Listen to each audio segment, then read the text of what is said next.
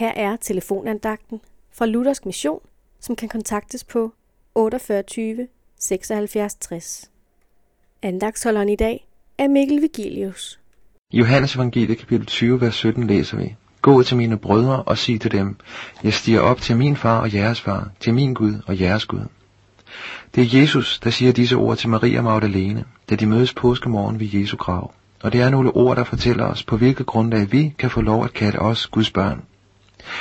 Jesus sender Maria afsted med en besked til sine disciple, og så kalder han disciplene for sine brødre. Det har han aldrig gjort før. I de tre år, de har været sammen, har han kaldt dem for sine venner og tjenere, men først nu, efter påskedagene, kalder han dem for sine brødre. Hvad er der sket i disse dage, siden Jesus nu regner dem for Guds børn og for sine brødre? Med disciplene er der ingenting sket. Ikke andet, end at de har vist sig som svigtende og svage syndere. De er flygtet fra Jesus og har ladet ham i stikken. Det er, hvad der er sket med disciplene. Men alligevel er der sket noget herligt for dem.